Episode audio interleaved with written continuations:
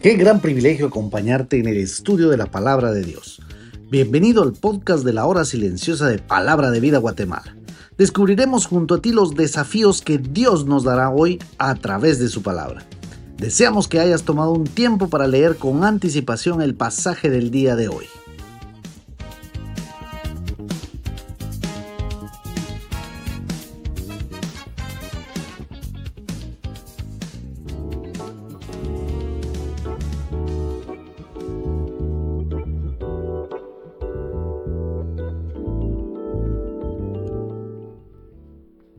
Estoy seguro que el Señor te ha estado bendiciendo mucho en este tiempo. El día de hoy, viernes, nuestra meditación se encuentra nuevamente en el libro de Nehemías, esta vez en el capítulo 4 del versículo 1 hasta el 9. Los que trabajaban la madera, los sacerdotes, por familias, partes específicas de la ciudad, los gobernadores por regiones, unos que construyeron frente a su casa, los que servían en el templo, los comerciantes, en fin, todos y cada uno de ellos, como decimos, pusieron manos a la obra y no cualquier obra. Como ya dijimos, era una gran obra. Esto es lo que leemos en la narración del capítulo 3 que acabamos de considerar. Si vemos aquí, notamos un ejemplo que podemos mencionarlo, ¿verdad? Y traerlo a la realidad del cuerpo de Cristo el día de hoy. El pueblo estaba construyendo esa gran obra. Y hoy el pueblo de Cristo está construyendo sobre la base sólida que es el Señor y vemos cómo lo expresa el apóstol Pablo en la primera carta que le escribió a los Corintios en el capítulo 12. Todos distintos miembros en un solo cuerpo y todos trabajando en lo que les corresponde, logrando el gran propósito de predicar el Evangelio y el hacer discípulos. Si un miembro sufre, todos sufren, y si un miembro es honrado, todos se alegran con él.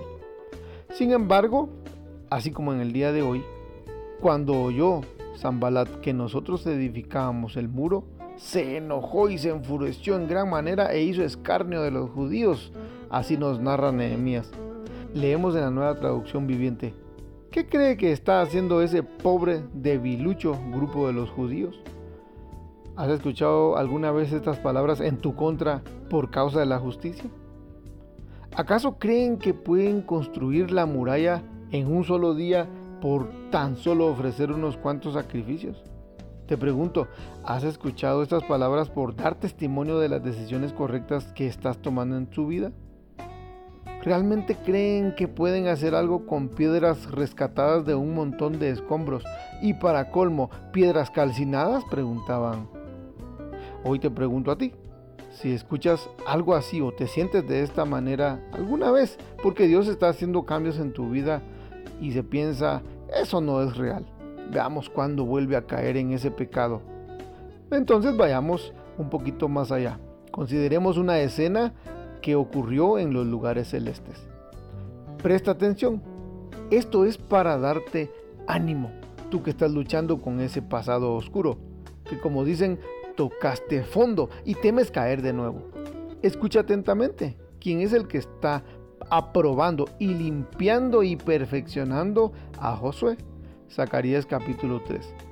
Me mostró al sumo sacerdote Josué, el cual estaba delante del ángel de Jehová, y Satanás estaba a su lado derecho para acusarle. Y dijo Jehová a Satanás, Jehová te reprenda, oh Satanás. Jehová que ha escogido a Jerusalén, te reprenda. ¿No es este un tizón arrebatado del incendio? Y Josué estaba vestido de vestiduras viles y estaba delante del ángel. Y habló el ángel y mandó a los que estaban delante de él diciendo, quitadle esas vestiduras viles.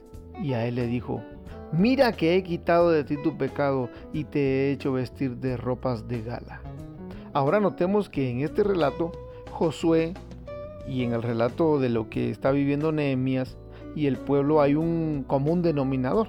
Vamos a encontrarlo con un ejemplo reciente y práctico. Hablando con mi hijita acerca de las situaciones difíciles que a veces enfrentamos en la vida, esas situaciones que dan temor o angustia, le preguntaba a ella, y a ti te pregunto lo mismo hoy, ¿qué es lo más importante que debemos tener en cuenta? Ella me decía, no tener miedo, papi. Y yo le dije, eso es importante, pero no es lo más importante. Ella dijo, tener confianza. Y yo dije otra vez, Sí, pero no es lo más importante. La plática continuó, como ustedes pudieran imaginarse. Ella decía, ser fuertes, ser valientes, orar, tener fe. Y mi respuesta fue la misma y hoy es la misma para ti. La misma que con Josué y Nehemías. Y la respuesta para ti y para mí. Lo más importante es Él, su persona, lo que Él es para mí y para ti.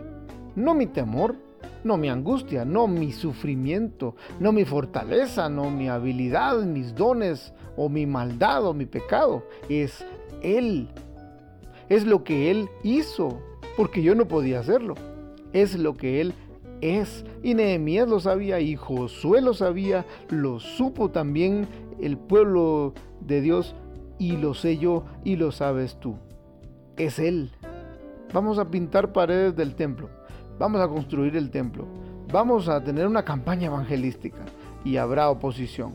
Y vamos a construir las aulas para los niños. Y vamos a abrir un programa para las viudas o para atender a los matrimonios. O palabra de vida que cumple 25 años.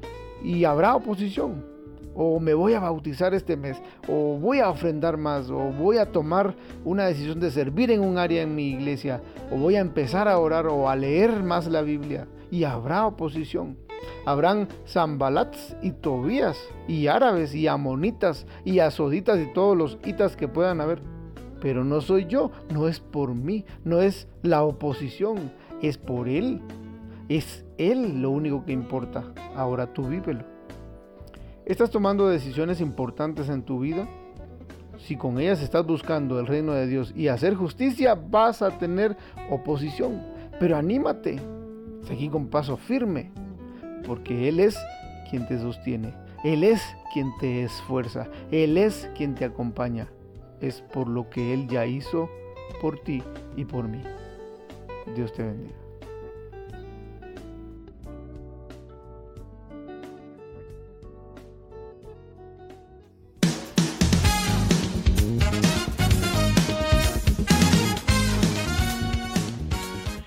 Es emocionante saber los tesoros que Dios tiene en su palabra para nosotros. Ayuda a tus amigos a que descubran la voluntad de Dios para su vida. Comparte este podcast con ellos. No olvides seguirnos en nuestras redes sociales.